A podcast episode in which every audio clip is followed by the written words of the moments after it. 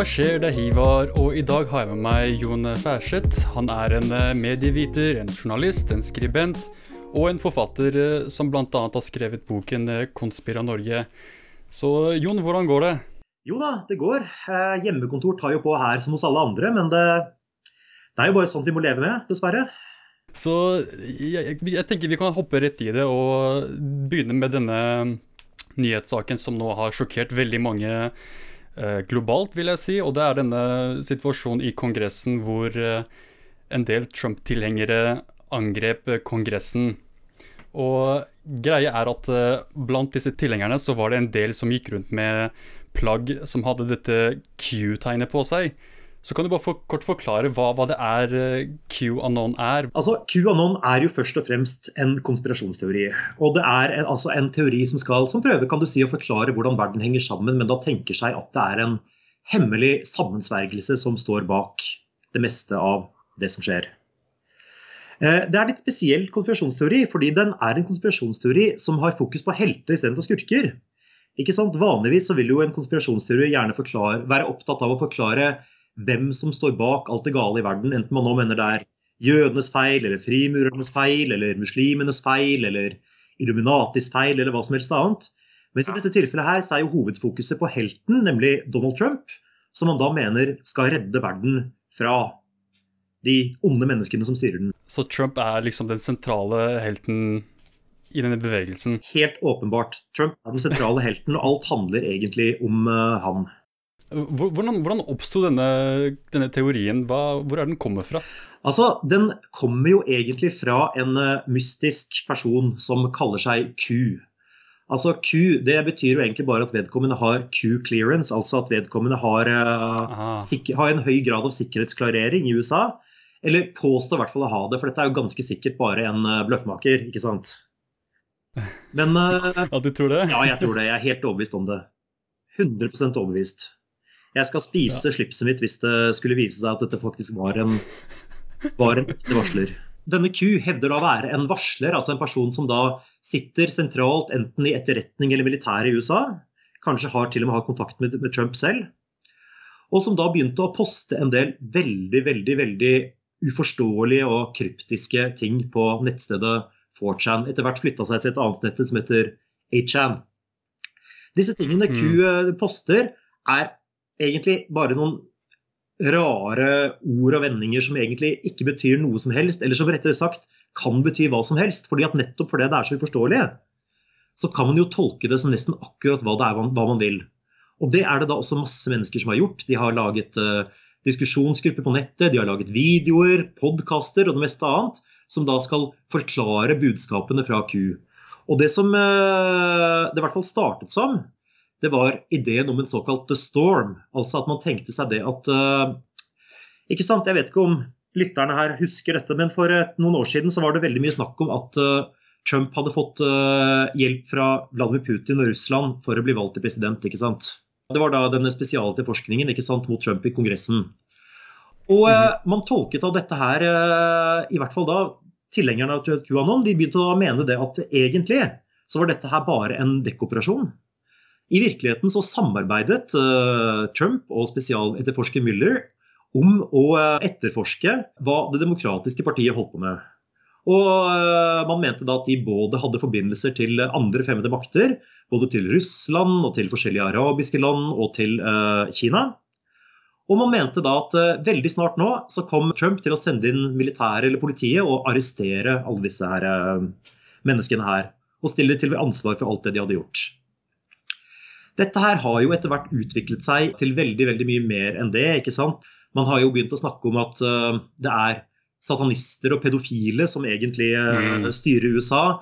Og da særlig Det demokratiske partiet igjen. Det er jo alltid demokratene som er skurkene her, det er ikke republikanerne. ikke sant? Mm -hmm. Men det der at Trump skal liksom gå inn og stoppe det, det har gått igjen veldig, veldig, veldig lenge.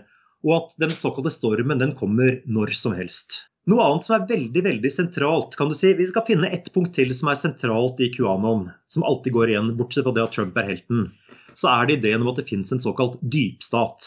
Altså, det er liksom da, Man tenker seg da at i tillegg til det vanlige demokratiske statsapparatet, ikke sant, der vi eh, stemmer inn og velger en leder hvert år, der vi har en rettsstat, ikke sant, alle disse tingene her, Mm -hmm. så finnes det også et, liksom et hemmelig statsapparat som er uoffisielt og uformelt, og som består av folk i eh, sikkerhetstjenestene, i militæret, eller de, særlig det såkalte militærindustrielle komplekset, ikke sant, og eh, diverse andre steder og som da har bånd til, disse, til demokratene særlig, og til disse her eh, mektige menneskene i Hollywood.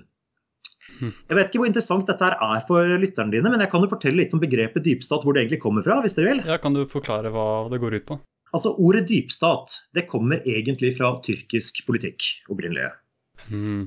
I uh, Tyrkia så hadde du mange år en faktisk eksisterende sånn dypstat. Den, den fantes i virkeligheten.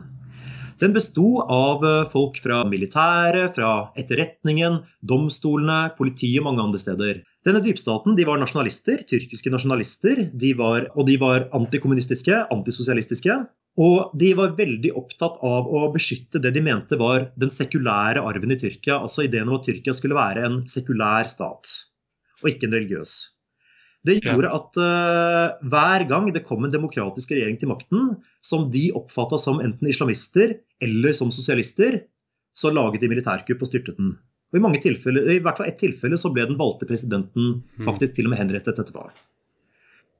Uh, denne dypstaten i Tyrkia den finnes antagelig ikke nå lenger. I hvert fall så er den veldig svekket etter at Erdogan kom Ja, til makten. Dette er en lang historie tyrkisk politikk vi ikke trenger å gå inn på. Men poenget er det at uh, ideen om en såkalt dypstat, den har man på en måte da begynt å tenke seg at det finnes i mange andre land også. Og så tenker man seg da selvfølgelig at den f.eks. da finnes i USA, og at det er den som egentlig trekker i trådene der. Og at da Trump er da mannen som skal ta denne her eh, dypstaten og stoppe den en gang for alle. Men Så dette er åpenbart en konspirasjonsteori, men er det noe sannhet i det hele tatt, eller noe spor av sannhet i det de sier her? Det, tanken om at det er eh, visse aktører som har stor innflytelse på politikken? Det er klart, det er det i Mhm. alle land. Det er åpenbart, ikke sant? Du har jo alltid f.eks. Ja, du har stor, ikke sant? storindustri, storkapital, du har eh, lobbygrupper, masse sånne ting som selvfølgelig spiller inn på politikken.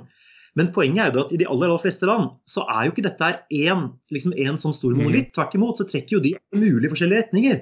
For de har jo ulike Mhm. interesser. De prøver alle sammen helt nå da ikke sant, å påvirke politikken i landet vårt. Det gjør alle organisasjoner også. ikke sant? Ja, F.eks. når Antirasistisk Senter forsøker å eh, få strengere lover mot eh, rasisme i Norge, så driver de lobbyvirksomhet og de prøver å påvirke politikken. Og det er jo egentlig helt greit, Mhm. i og for seg. På samme måte kan du si at når eh, folk fra ja, NHO og andre forsøker å få regjeringen til å lette på koronatiltakene, sånn at de kan ta inn arbeidere fra utlandet, så driver de også og påvirker politikken. Men igjen, poenget er det at de, har, man, de, de drar i forskjellige retninger, og ingen av de er allmektige. Det er liksom hele tiden en ikke sant? En kamp om å ha myndighetenes øre, en kamp om å ha tilgang til dem. En kamp om å forklare, få få myndighet til å forstå at de bør gjøre som du sier, for det er bra for landet. Og det samme er det nok også i USA. Så dette her med QAnon eh, spesifikt, eh, du nevnte at de anklager bl.a. demokratene for å drive med pedofili og satanisme og eh, sånn ofring av mennesker og alt det der. Sånn, dette virker veldig religiøst. Er, er det et religiøst aspekt ved denne gruppen i det hele tatt? Eh, ja og nei og ja. Det er klart at det har helt klart religiøse altså sider ved det som ligner på religion. Mhm. Ikke sant? Mange av de store religionene, i hvert fall de såkalt abrahamiske religionene, ikke sant? kristendom, jødedom og islam, de har jo en idé om at uh, den verden vi lever i, det er en slagmark hvor godt og ondt slåss mot, mot hverandre på forskjellige måter. Mm.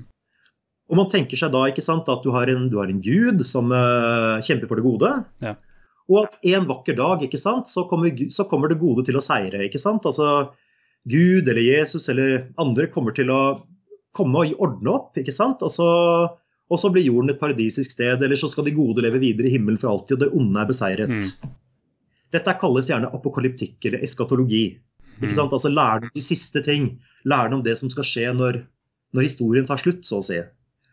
Og du kan si at det er, klart, det er klare elementer av dette i QAnon. Fordi man tenker seg jo nettopp her at uh, både at verden er eh, styrt av eh, onde makter, selv om de onde maktene her ikke lenger er overnaturlige, men rett og slett eh, onde mennesker.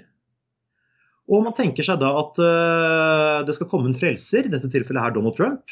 Og at han da så skal rydde opp og beseire de onde maktene til slutt. Og så skal jorden bli et bra sted. Det er det disse her tror. Så dette minner meg veldig om den islamske versjonen av dommedagen. Det at uh, antikristen kommer, og så skal uh, Jesus og, uh, og, en, av imamene komme og redde oss fra antikristen, og dermed skape en bedre verden. Sånn, det, det, er jo den samme type ideologien som IS har, så er det noen sånn likheter mellom IS og QAnon til den grad, liksom? Du, Det der var et veldig interessant spørsmål, eh, og jeg må skal prøve å improvisere et svar nå, faktisk. For det var veldig veldig spennende, det har jeg faktisk ikke tenkt på. Men for det første, når det gjelder det med den islamske dommedagsprofetien. Mm -hmm. Jeg kjenner dessverre lite til islam. Jeg har tenkt lenge at jeg skulle lese Koranen. Jeg har ikke ja. kommet så langt ennå. Men, det jeg tenker, men, det er bra. men jeg tenker meg nok det at dette her har veldig store At det nok minner veldig mye om den kristne dommedagsforventningen. Der man også tenker seg at Satan til slutt skal uh, mer eller mindre beherske At Satan har mer eller mindre behersket verden til alle tider. Men at til slutt så skal, ja, som du sier, Jesus komme og beseire dette her, og så skal jorden bli et bra sted mm. i et stort slag. Helt riktig. Dette tror jeg vi finner i alle de monoteistiske religionene. Men poenget er, men, mens her så har dette så å si helt riktig blitt, blitt sekularisert. Mm. Det har blitt gjort om til materielle, levende mennesker. Man snakker ikke lenger om Gud. Og når du sier det med IS, så var det veldig spennende. Og jeg tror du er inne på noe veldig interessant her. Fordi at så vidt jeg har forstått med IS, så er jo IS på mange måter et forsøk på å ta, så, å si, ta, ta, så å si ta saken i egne hender. ikke sant? Vi, nå skal vi prøve å Siden Gud ikke vil, så skal vi prøve å sette i gang dette her på egen hånd. Ja. Så, sånn at Gud kan komme og ordne opp. Mm. Eventuelt, så er det, eventuelt så, så, er det vi som det egentlig står om i profetiene. men at, øh, Og derfor så er dette vår jobb, så å si, å sette i gang dommedag. Det er vel sånn jeg har forstått IS også, at det på mange måter var en dommedagskultus. Absolutt. Og det er klart at Dette motiverte jo dem til forferdelig ekstremisme. ikke sant? Det har motivert dem til terrorhandlinger. Det har motivert dem til uh, å sette opp dette rettsregimet sitt i Midtøsten. ikke sant? Som nettopp var et forsøk på å oppfylle, oppfylle profetiene, sånn så vidt jeg har forstått. Har jeg rett i det? Ja. ja.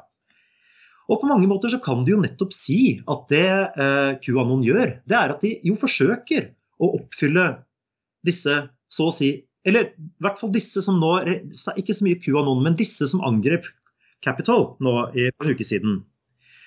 De av dem som var QAnon-tilhengere, kan man jo kanskje, kanskje, forsøke å betrakte som en måte å oppfylle sine egne profetier på, de også. ikke sant?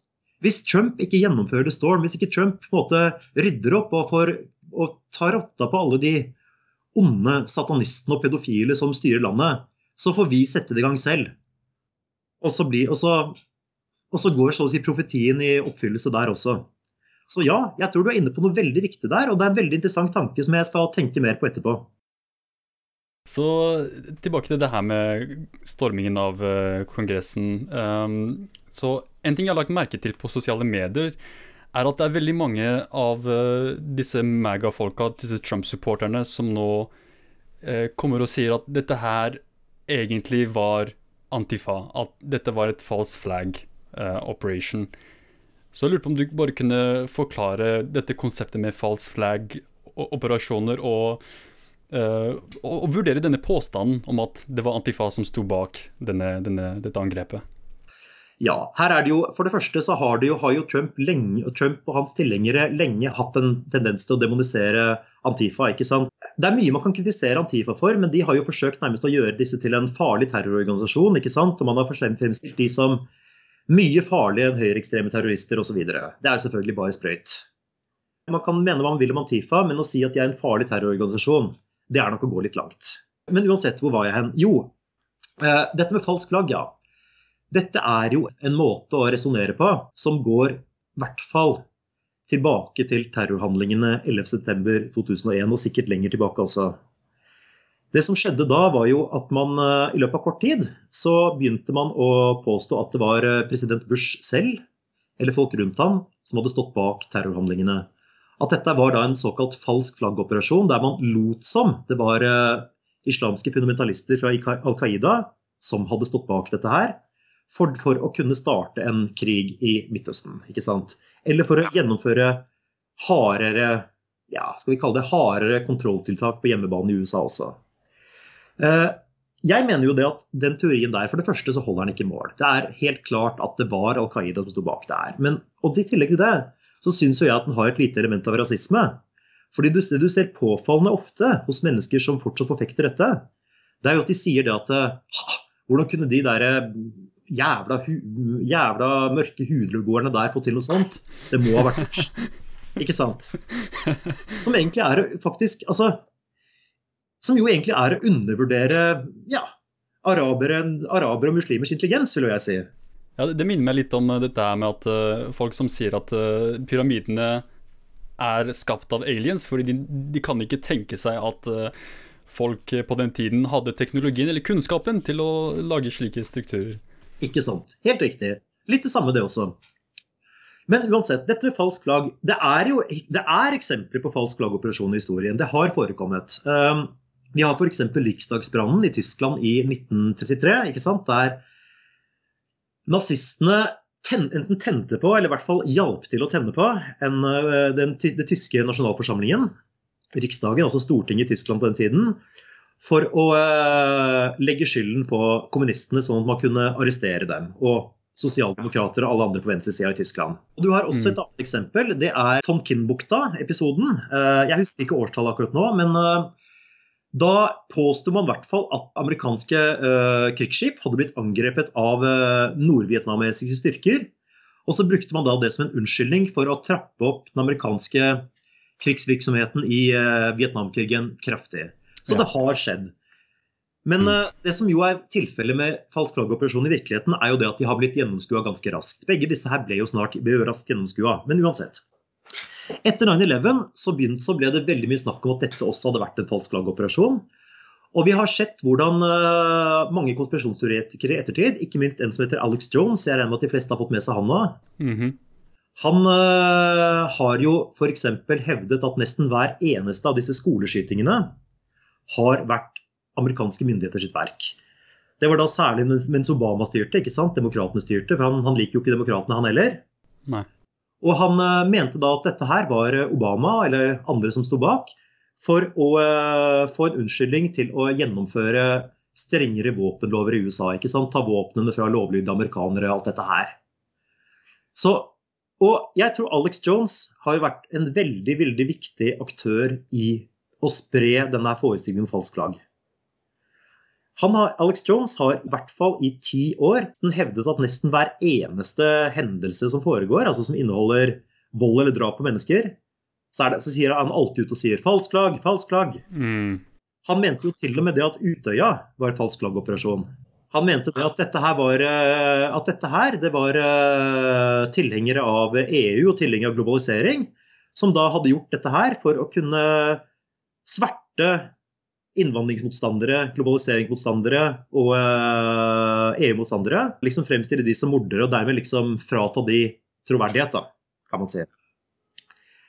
Så uh, han har nok gjort at det der narrativet om at nesten alt er falsk lag, mm. har blitt mer og mer og mer utbredt i særlig USA.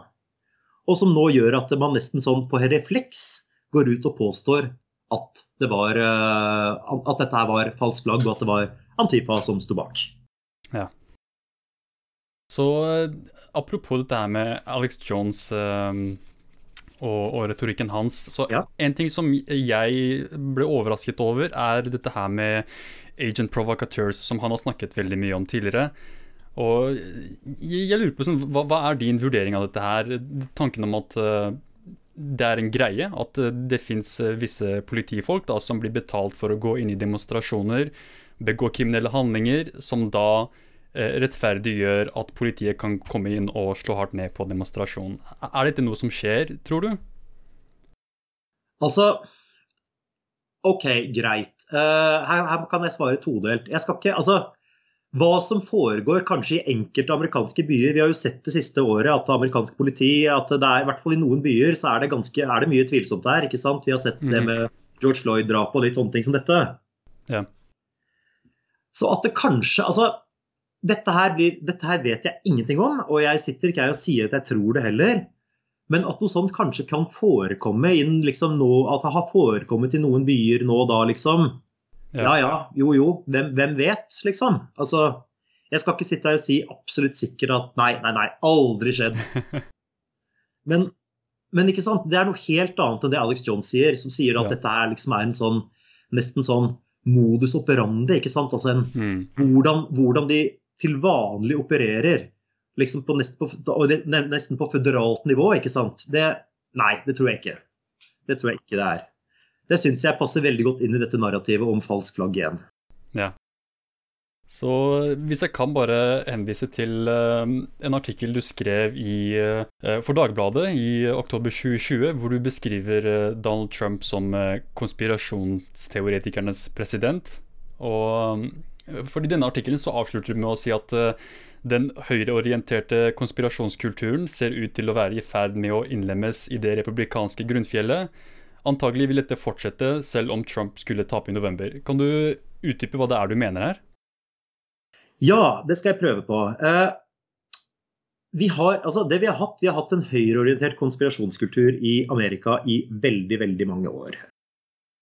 Den eh, det er, kan du si, veldig, for, veldig forenkla så er det alle mulige mennesker som er skeptiske til myndighetene, og da særlig til myndighetene i de føderale myndighetene i Washington, altså liksom sentralregjeringen.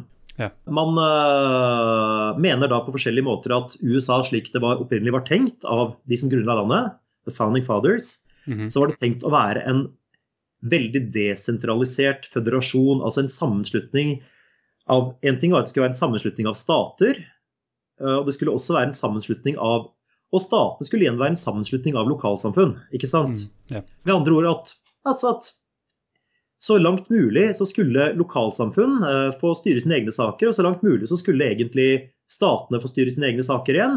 For det, de tingene som var for store til at lokalsamfunn kunne ta seg av det. Og uh, først de tingene som ikke de engang klarer å ta seg av alene, de skulle da staten ta seg av. Altså den føderale staten i Washington. USA er jo en sammenslutning av 50 stater, ikke sant. Mm uh, og dette her er det jo, kan man jo si mye om. Det er jo både Altså, det er jo mye bra og dårlig for seg, dette. Samtidig så har det også alltid vært et lite, lite litt sånn ubehagelig element i dette her også, ikke sant. Det har ofte vært, ikke alle, men hos en del som forfekter dette her, vært liksom elementer kanskje av rasisme, ideen om at USA ble grunnlagt som en hvit stat osv. Så litt sånne ting som det. Godt eksempel på dette her, ikke sant? det er jo den amerikanske borgerkrigen. Hvor uh, sørstatene ikke sant, prøvde å løsrive seg både fordi de mente at sentralregjeringen hadde fått for stor makt, men selvfølgelig ikke minst og aller mest fordi de ville beholde retten sin til å eie slaver. Mm, ja, nettopp. Og vi ser dette her også gang på gang at dette her dukker opp i mange av miljøene som er sånn såkalte regjeringskritiske. Mm Veldig ofte så begynner de, og så skraper du litt på det, ikke sant? så ser du at det kommer inn under det også ting som at ja, nei, vi er imot regjeringen i Washington fordi at de har uh, presset oss til å godta ja, eh, likestilling mellom raser. De presser oss til å godta likestilling menn og kvinner. De presser oss til å godta homofiles rettigheter. Ikke sant? Sånne ting som det er. Mm. Så ofte så er det et veldig reaksjonært element der også. Men det, det trenger ikke å være det. Men, det. men det, er ofte det. Vi ser at, og Denne her høyreorienterte konspirasjonskulturen de har, de, det ble konspirasjonskultur fordi at uh, man begynte mer og mer, særlig i, uh, fra 50-60-tallet og utover, å snakke om at det var fare for at de føderale myndighetene, altså da mener jeg myndighetene i USA som sådan, ikke, ikke, ikke myndighetene i hver enkelt stat, at de da hadde blitt kuppa av uh, krefter, enten dette nå var uh, internasjonale organisasjoner som FN, som man var veldig veldig negative til, eller kanskje at det var ja, jødene, er en veldig veldig klassisk syndebukk her. Og at disse ja. da forsøkte å undergrave den amerikanske grunnloven, altså ødelegge den innenfra og gjøre USA til et diktatur. Fordi man frykta at USA var i ferd med å bli et diktatur, så eh, ble det da selvfølgelig veldig mye snakk om at man måtte forsvare seg mot dette her. Og da begynte man ofte å få veldig, veldig mye mer fokus på dette her med våpen, som jo folk har rett til å eie ifølge den amerikanske grunnloven. Man fikk den mhm. såkalte militsbevegelsen. ikke sant? Folk som driver våpentrening, paramilitær trening, for å forsvare seg den dagen myndighetene gjennomfører et statskupp og øh, gjør USA om til et diktatur. Og, det, og, nettopp fordi at man begynte da å se tegn på at USA var i ferd med å bli et diktatur nesten overalt. ikke sant? Uh, Man begynte å snakke om 9-11 Truth, ikke sant? at det var en måte å uh, snikinnføre strengere lover på. Man begynte å snakke om uh, skoleskytinger som liksom noen falsk flagg ikke sant? for å frata folk våpnene. Alt dette her. Ja. Så har denne her høyreorienterte konspirasjonskulturen blitt mer og mer og mer uh, radikalisert. Og vi ser jo nå at nå har den også for alvor begynt å ty til handling med den storminga av Capitol. Og det er jo ingen tvil om at dette her kommer til å fortsette også etterpå. Nå blir det veldig langt her, men, men, som jeg sa, ja, du spurte hvorfor jeg mente at uh, dette hadde blitt en del av det republikanske Gunnfjellet. Jo, det kan jeg fortelle. Det har å gjøre med at allerede under valgkampen til Donald Trump så så man at Donald Trump og folkene rundt ham de fridde aktivt til Alex Jones og andre konspirasjonsteoretikere. Ja, de var jo venner. De, jeg så flere ganger at uh, Donald Trump var gjest på Alex Jones sitt uh, program. Jeg vet ikke om de er venner, jeg vet ikke om de sitter og griller pølser og drikker øl sammen. Uh, det ikke. I så, fall jeg, I så fall, hvis dere hører meg, Alex og Donald, jeg vil gjerne være tredjemann neste gang. Men jeg vet ikke om de er venner på den måten. Det tror jeg nok ikke de er. Jeg tror nok at dette her først og fremst er instrumentelt fra Trump sine folk sin side. Altså at dette er, noe, dette er et verktøy de bruker. Men det man så, det var det at eh, både Trump ja, og valgkampmedarbeideren hans, Roger Stone, flere ganger mm. deltok på programmet til eh, Alex Jones. Det er en veldig god dokumentarfilm om dette som jeg anbefaler alle å se. Uh, og det er jo veldig, veldig mye som tyder på at man aktivt hjalp Alex Jones med å få flere seere på denne måten her. ikke sant? Tenk deg presidentkandidaten er med i programmet hans. George, ja. Roger Stones kommer og er gjest i programmet hans på valgdagen og under, under innsettelse av presidenten. Det er klart at dette trekker en masse seere, også blant republikanere og andre som tidligere ikke har sett på Alex Jones. Og dette kom jo også på et veldig passende tidspunkt for Alex Jones. Fordi Alex Jones på den tiden der, han eh, hadde tatt masse penger, han hadde blitt saksøkt fordi han pga. dette med skoleskytingene Han hadde blitt saksøkt av familiene til ofrene for en skoleskyting som uh, hadde fått, uh, fått, det veldig, veldig tøft. Masse trakassering for gærninger etter dette her. Og han var blitt skilt. ikke sant? Det, det, det gikk ikke bra med karrieren hans. Så på mange måter så mm. hjalp Brother Stone og Trump han på beina igjen, mot at han da til gjengjeld fortalte alle tilhengerne sine hvor fantastisk Trump var. Stem på han, stem på han, han skal rydde opp i alt sammen, endelig. Så, og på den måten her og ved hjelp av at Trump jo flere ganger også har kommet med andre typer litt sånn hundefløyting. ikke sant? Han har anbefalt dette her, eh, dette her eh, klorblekemiddelet mot uh, korona, som jo bare er tull, men som er en sånn litt sånn lurium, litt sånn vidundermedisin, som, som blir solgt bl.a. i QAnon-miljøer på nettet. Så forteller han de, ikke sant? han blunker litt til og sier at jeg veit hva dere snakker om, vi er på samme side egentlig. Men han trenger mm. ikke å si det høyt. Og på den måten der så har man nok helt klart fått en del av disse her, her inn i det republikanske partiet. Og det er ikke få mennesker som tror på disse tingene, så dette er nok antagelig en veldig, veldig nyttig velgergruppe å ha på sin side. Kanskje spesielt fordi disse menneskene her vanligvis ikke har stemt til valg i det hele tatt. Fordi de har ikke trodd på systemet, men nå har de liksom hatt en kandidat som endelig er på deres side og skal ordne opp med ja, satanistene og de pedofile og de som styr, egentlig styrer landet bak kulissene. Osv., osv., osv., osv. Og dette vil nok ikke forsvinne etterpå. Vi ser jo nå f.eks. at uh, 60% av republikanerne 60 uh, Eller vent litt nå. Et lite øyeblikk bare.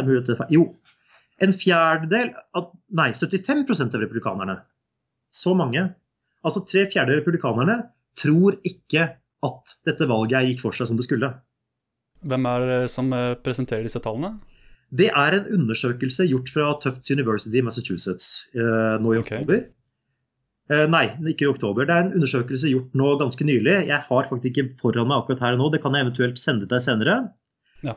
Men altså en fjerdedel av republikanske velgere mener faktisk nå at dette valget ikke gikk riktig for seg. Og det er klart at da har du på mange måter overbevist uh, veldig mange mennesker om at det finnes en dypstat. Trump prøvde å stoppe den.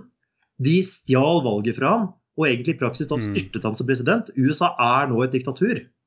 Dette er forferdelig, forferdelig, forferdelig skumle tendenser å gå inn i samfunnet. Og jeg tror ikke de kommer til å bli borte. Selv om jeg nok også tror at ganske mange nå begynner å distansere seg fra disse mest vanvittige ideene etter storming av Capitol. Ja. For det, dette, måte, dette her, ikke sant? Én ting er å snakke om det, noe annet er å, gjøre om, er å faktisk gå ut og gjøre det. Vil du si at eh, Trump har eh, på en måte har han bidratt til å gjøre konspirasjonsteorier mer populære blant republikanere? Eller vil du også kanskje si at eh, konspirasjonsteorier er populære blant republikanere, og, da, og det gjør da at Trump gjør det bedre i, valg? Uh, jeg tror dette kan slå veldig, veldig, veldig, dette kan slå veldig mange veier. Altså, dette handler jo om at tilliten i utgangspunktet var ganske lav. ikke sant? Altså, Tilliten til systemet i USA har vært lav ganske lenge. Og uh, Trump spilte jo på den mangelen av tillit. Og Det er han ikke alene om. Det gjør jo høyrepopulistiske politikere i veldig mange land. Uh, akkurat det, At de spiller på lav tillit. De snakker om vi representerer folket mot elitene, ikke sant, den type ting. Mm. Og det gjør Trump også. Uh, men i dette tilfellet her så blir det mye mye drøyere, nettopp fordi at Trump uh, har nekta å ta avstand fra QAnon. ikke sant? Han har påstått direkte at det har vært valgfusk, valget har vært stjålet. Og hvis vi tenker over litt over det, ikke sant? at Tenk deg det, en, en, en politiker som påstår at egentlig vant jeg valget. Eh, valget ble stjålet. Det betyr jo at det er ikke dette landet et demokrati lenger. Da er vi faktisk en motstandsbevegelse mot et diktatur, kan man jo nesten si. Mm -hmm. Og det er klart at, at han nå har fått så mange mennesker til å tro det, det tror jeg kan få veldig stygge konsekvenser også i årene som kommer. Og jeg tror det skal veldig, veldig mye til nå. Biden skal være veldig veldig flink for at han skal klare å ordne opp i dette her. Og så også gjenopprette tilliten i det amerikanske folket til dette her. Kanskje, ja, da, særlig, kanskje da særlig hos den andelen som da nå Ganske store andelen mennesker. Kanskje nesten Ja, dette blir bare et tall jeg tar ut av lufta, men la oss si at det er kanskje nesten nå 20-25 av befolkningen som tror valget ble stjålet, at USA ikke er et demokrati. Det skal mye til for Biden å prøve å ordne opp i dette, men vi får bare håpe han klarer det. Uh, ja, Apropos det her med tillit til uh, statsmaktene. Uh, en rapport fra Gallup for desember 2020 sier at 82% av amerikanere var misfornøyd med Kongressen. Og det, liksom, det, gir litt mening med tanke på liksom, hvorfor folk reagerte, visse folk da reagerte positivt til dette angrepet på Kongressen, nettopp fordi det er så lite tillit.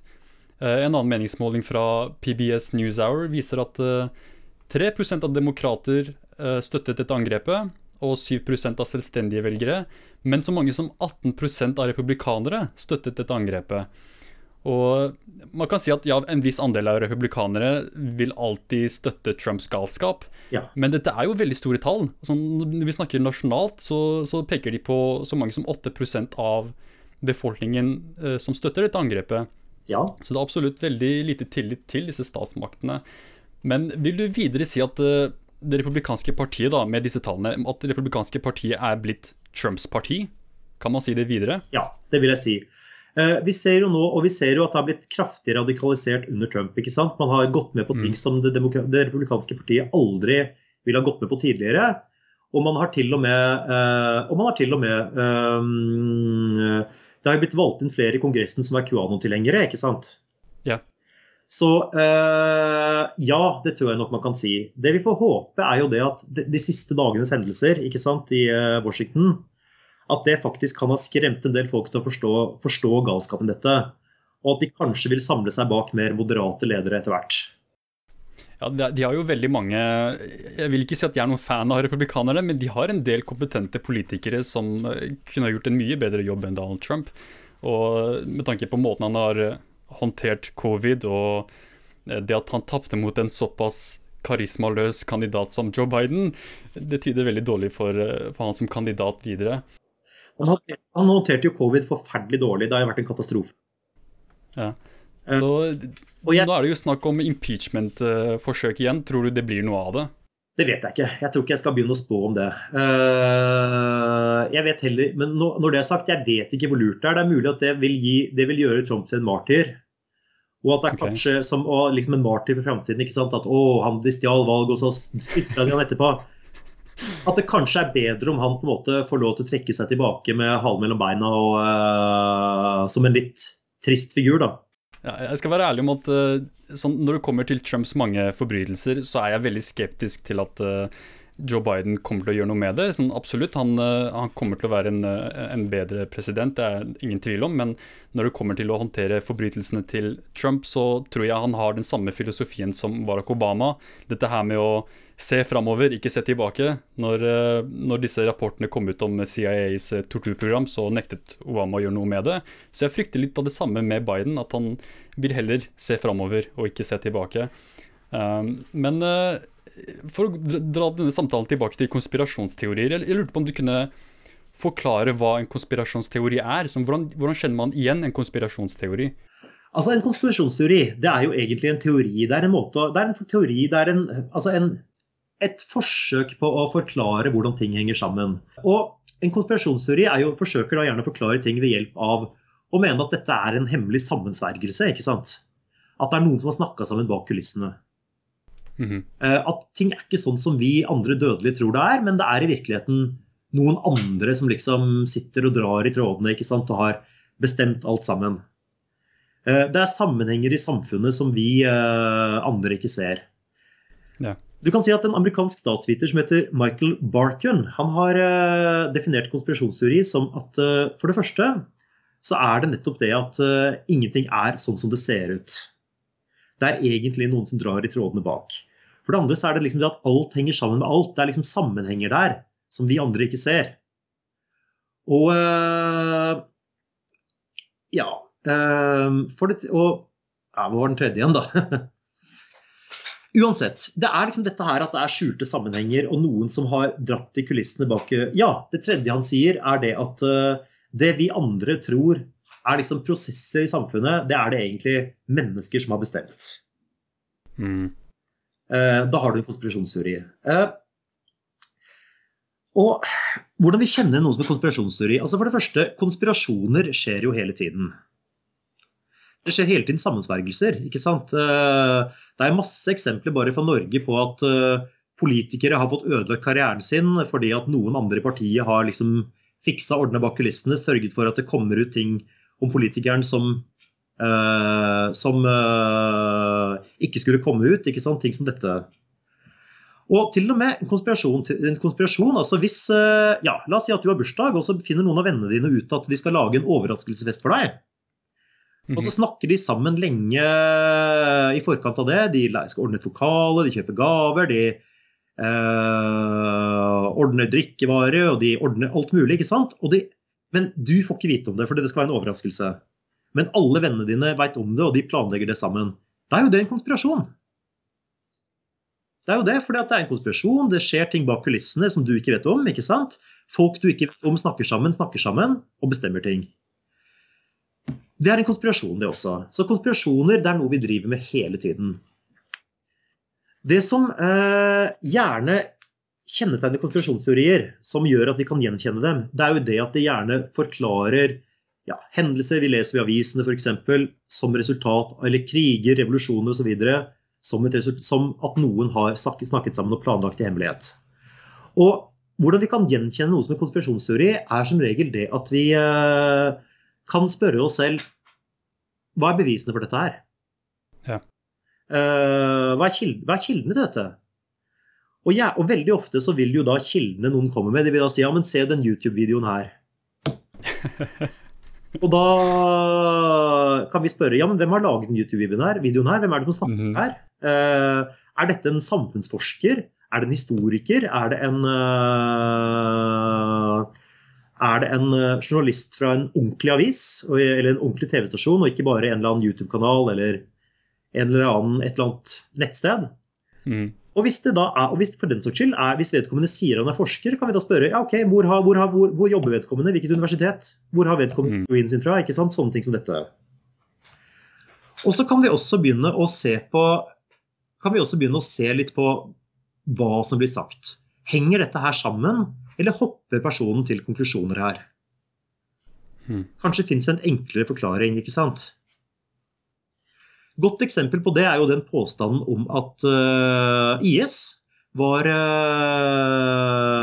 hadde fått utstyr fra, uh, fra, Vesten for å holde på.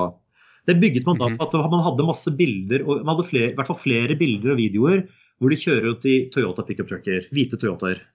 Ja. Det er bare én ting men det, samtidig, Og så tenker man disse må de ha fått fra noen problem, eller Saken er dessverre det, eller dessverre, Line, saken er bare det at uh, disse her de kom fra Japan.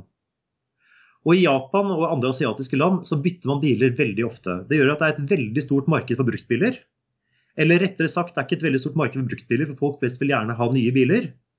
Mm. Men det gjør at det er veldig veldig mange bruktbiler fra hvert fall de rikere landene i Asia som hele tiden selges på markedet internasjonalt. Og noen av disse blir jo selvfølgelig også stjålet. ikke sant? Og så havner de da via forskjellige ledd til slutt hos IS.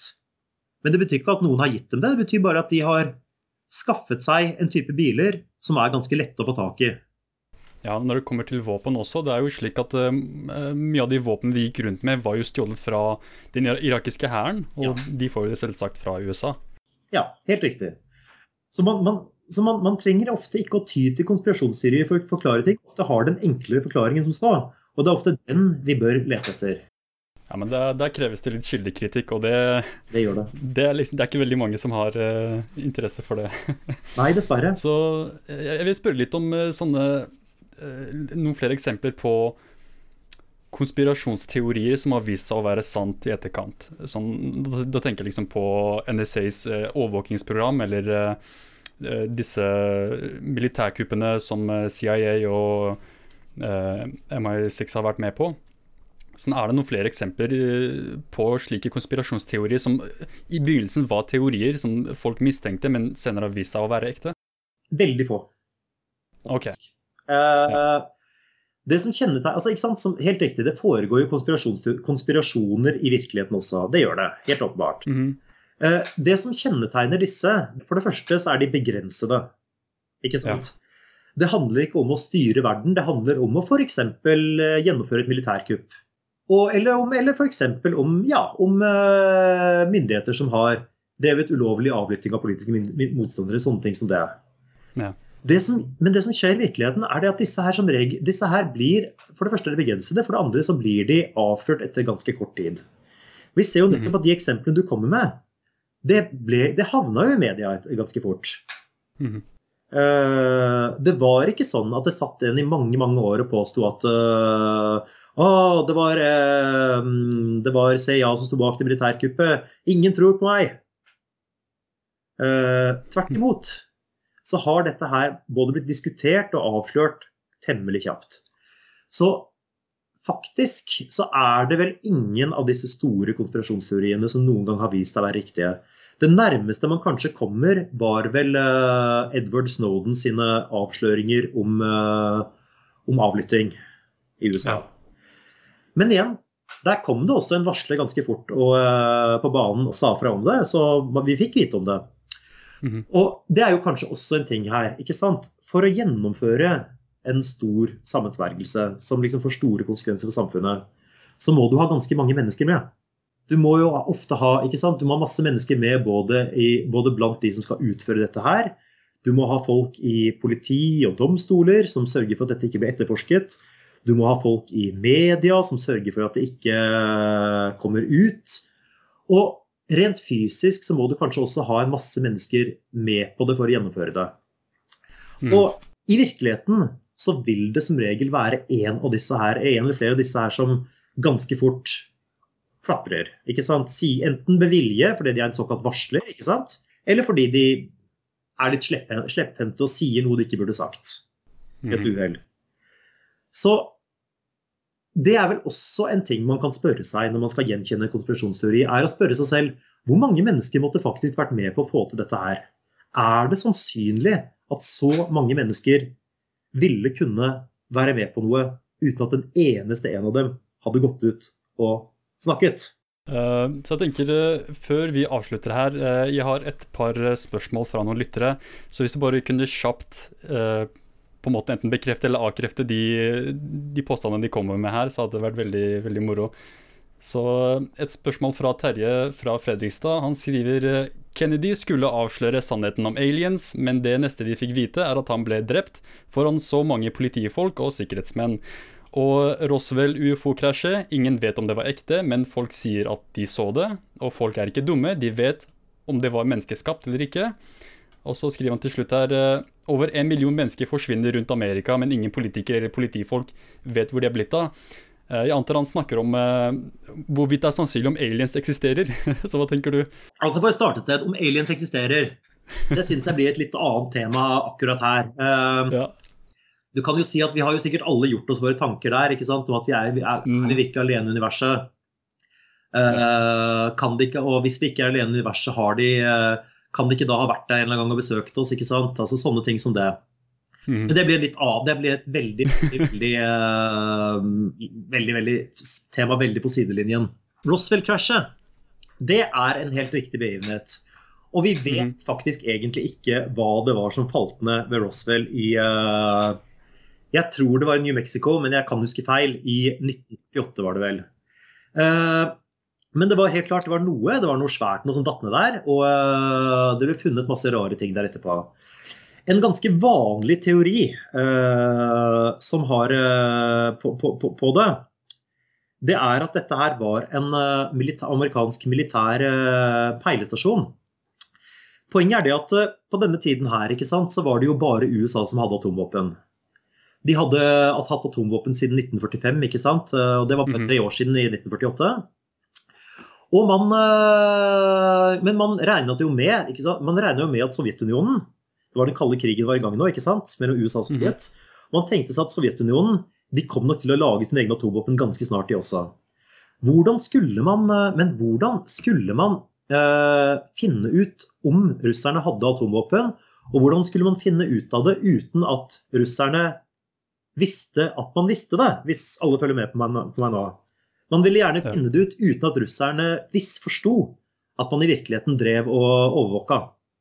Så det man mm. antagelig gjorde, var at man laget eh, en eh, peilestasjon eh, med etter, etter, den tidens standarder ganske avansert teknologi, som da gikk høyt opp i atmosfæren i en ballong. Den var da ubemannet, det var ikke mennesker om bord dette her. Det var rett og slett masse utstyr som svevet i en ballong høyt oppe, som da skulle ah. fange opp sjokkbølger fra en eventuell sovjetisk prøvesprenging. Hm. Og, og, at det da var denne peilestasjonen som falt ned over uh, Roswell. Og at man da selvfølgelig da naturlig nok både uh, skyndte seg å fjerne restene fra krasjet, og ja. holdt det hemmelig uh, hva som hadde skjedd. For man ville jo ikke at Sovjetunionen skulle få vite at man, drev, at man kunne overvåke prøvesprengingene deres. Hmm. Så det var faktisk militær hemmelighet. Det er nok den mest vanlige teorien i dag. Men altså, det har vel aldri egentlig kommet ut, så hva det egentlig var som datt ned, det vet jeg ikke. Det hadde vært veldig morsomt om det faktisk var en ufo. Men når det, men når det, gjelder, når det gjelder, Kennedy, så tror ja. jeg at det, så eh, stemmer ikke dette. Det finnes en masse forklaringer på hvorfor Kennedy ble skutt, eh, og ingen av de har vel egentlig noen gang eh, noen gang blitt fullstendig dokumentert. For man, man, vet egentlig ikke hvem som skjøt han. Men det var nok mhm. neppe fordi han skulle, han skulle gå ut med sannheten om ufoer. Ok, neste spørsmål. Ja, uh, dette her er fra Joy fra Kongsberg. Hun spør uh, om uh, hva det er som gjør at kons konspirasjonsteorier blir populære. Ja, jeg tror det handler om flere ting. For det første så tror jeg at det har med litt hvordan vi mennesker er skudd sammen å gjøre. Vi mennesker vi liker å lete etter forbindelser, også der det, der det kanskje ikke finnes. ikke sant? De mhm. fleste av oss liker for eksempel, kan f.eks. sitte og se opp på skyene på himmelen ikke sant? og tenke oss at, og se at Oi, denne skyen her ser jo ut som en uh, hest, eller dette ser ut som et landskap ikke sant, med fjell og skoger og sånt noe. Mm -hmm. uh, det er jo selvfølgelig ikke, en, ikke sant? Det er jo selvfølgelig ikke noen som sitter og lager disse skyene. Dette er jo selvfølgelig mønstre vi ser i vårt eget hode. Ja. Det er jo kan du si, en ganske nyttig egenskap for oss, for det er det som gjør at vi kan uh, tenke oss på forhånd hva som kommer til å skje, f.eks. Det at vi har fantasi. Det gjør at vi kan tenke oss hvordan andre mennesker sannsynligvis tenker, selv om vi ikke kan lese tankene deres. Masse ting som dette. Og det var nok veldig veldig, veldig nyttig for forfedrene våre på den afrikanske savannen, som jo eh, Hvis du hørte liksom en lyd bak deg, så var det veldig lurt å snu seg eh, for sikkerhets skyld. fordi at, eh, Og tenke at hjelp, kanskje det er en sabeltiger som kommer. Fordi at hvis du Mm. ikke snudde deg, så kunne du blitt spist. Nettopp. Så det har nok noe med hvordan vi mennesker er, er skapt å gjøre.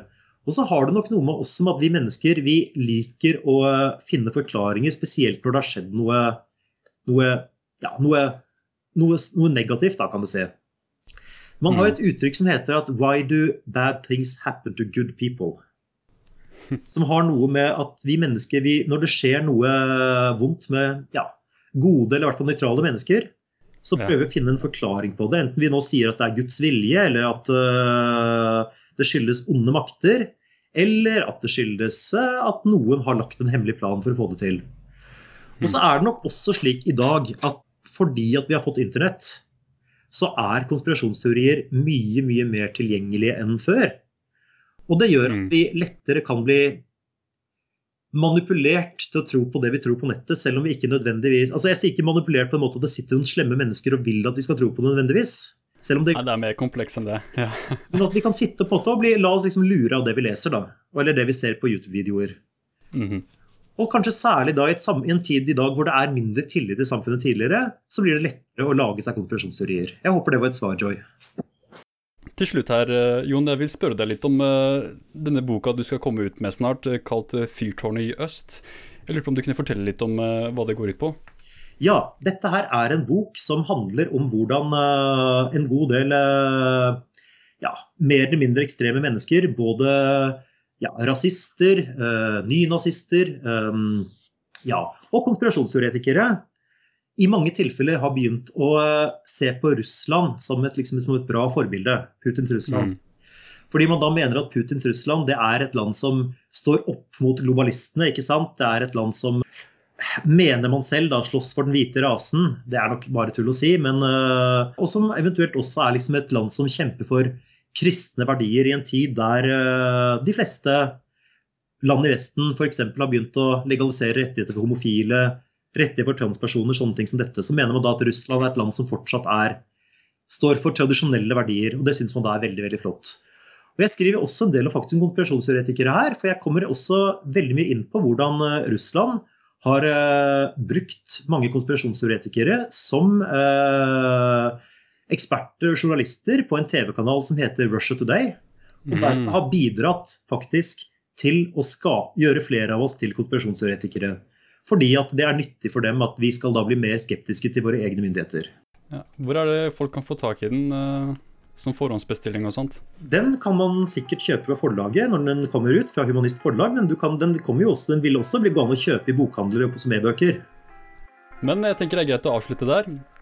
Så tusen takk, Jon, for at du ble med på denne podkasten. Dette var Hivar med Jon Færseth, og nå litt heftig musikk.